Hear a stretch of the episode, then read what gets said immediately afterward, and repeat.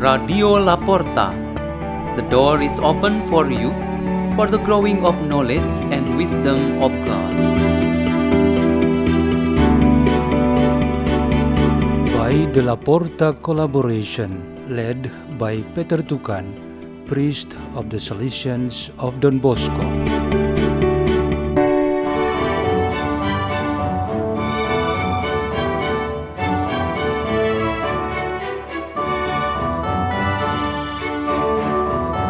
Readings and meditation on the Word of God on Easter Sunday, April 4, 2021.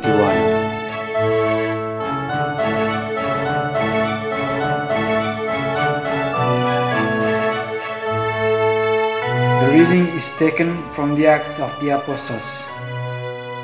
Peter proceeded to speak and said, You know what has happened all over Judea, beginning in Galilee after the baptism that John preached, how God anointed Jesus of Nazareth with the Holy Spirit and power. He went about doing good and healing all those oppressed by the devil for God was with him. We are witnesses of all that he did, both in the country of the Jews and in Jerusalem. They put him to death by hanging him on a tree. This man God raised on the third day and granted that he be visible, not to all the people, but to us, the witnesses chosen by God in advance who ate and drank with him after he rose from the dead. He commissioned us to preach to the people and testify that he is the one appointed by God as judge of the living and the dead. To him all the prophets bear witness that everyone who believes in him will receive forgiveness of sins through his name. The word of the Lord.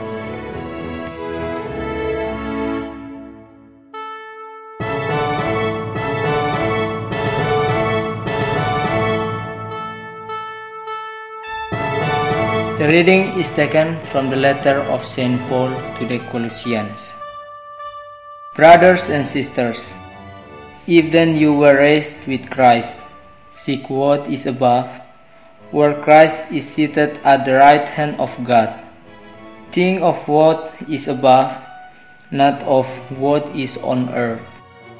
For you have died, and your life is hidden with Christ in God. When Christ your life appears, then you too will appear with him in glory. The word of the Lord.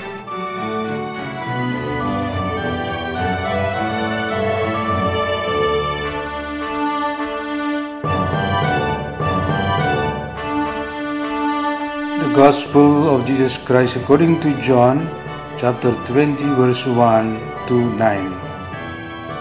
On the first day of the week, Mary of Magdala came to the tomb early in the morning, while it was still dark, and saw the stone removed from the tomb.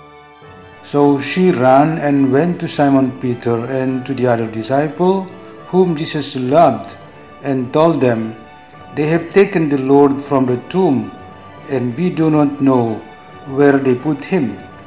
So Peter and the other disciple went out and came to the tomb. They both ran, but the other disciple ran faster than Peter and arrived at the tomb first. He bent down and saw the burial cloth there, but did not go in. When Simon Peter arrived after him, he went into the tomb and saw the burial clothes there, and the cloth that had covered his head, not with burial clothes, but rolled up in a separate place.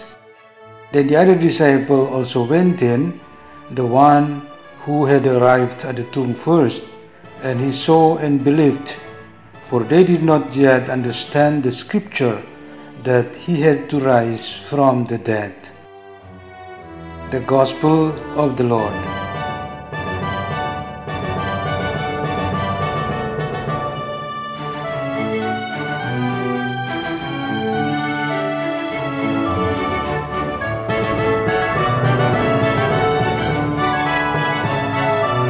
Theme for our meditation on this Easter Sunday is From the Foot of the Cross to the Empty Tomb.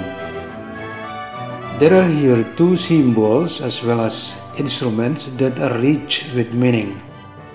The first symbol is the foot of the cross, which refers to the person of Jesus Christ who suffered so great humiliation and died hanging on the cross. These are the events we have celebrated on Good Friday.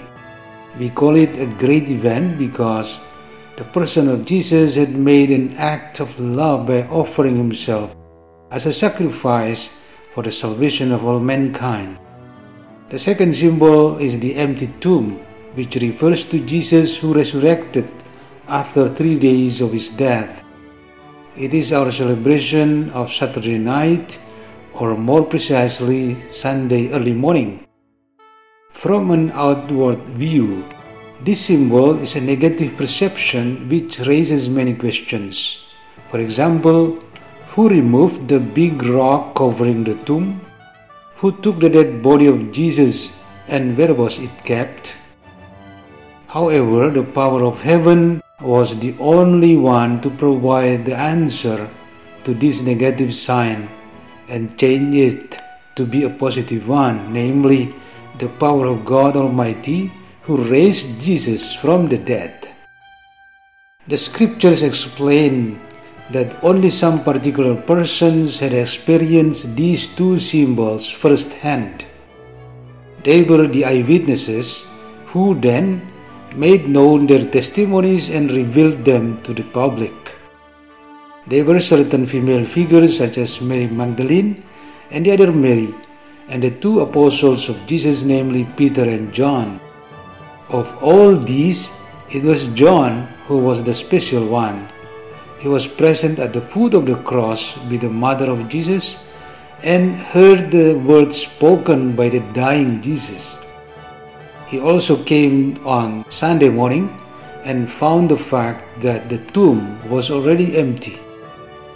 This experience from the foot of the cross to the empty tomb by John should be a lasting spiritual reading so meaningful and inspirative for each of us and all.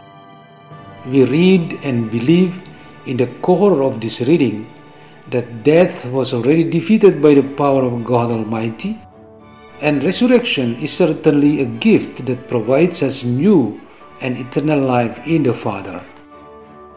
John and his companions probably disbelieved at first on the event of resurrection but gradually their faith in the truth on the transformation from death to resurrection was founded. The rest of the apostles and many other disciples also in the following moments experienced the apparition of the risen Christ. These all became the initial testimonies about Jesus Christ and the power of God which in later periods had been formulated in the creed that we have until now.